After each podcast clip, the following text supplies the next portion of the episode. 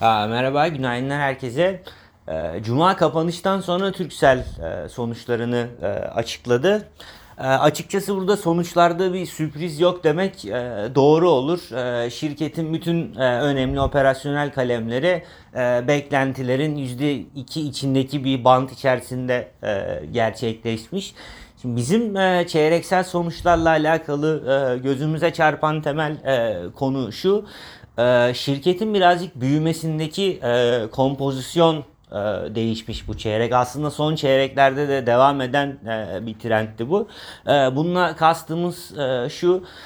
şirketin dijital iş servisleri, işte yurt dışı operasyonları ve işte diğer segmentlerden e, gelen ciro katkısı buna işte kurumsal e, satışlar da dahil oldukça güçlü e, seyrediyor.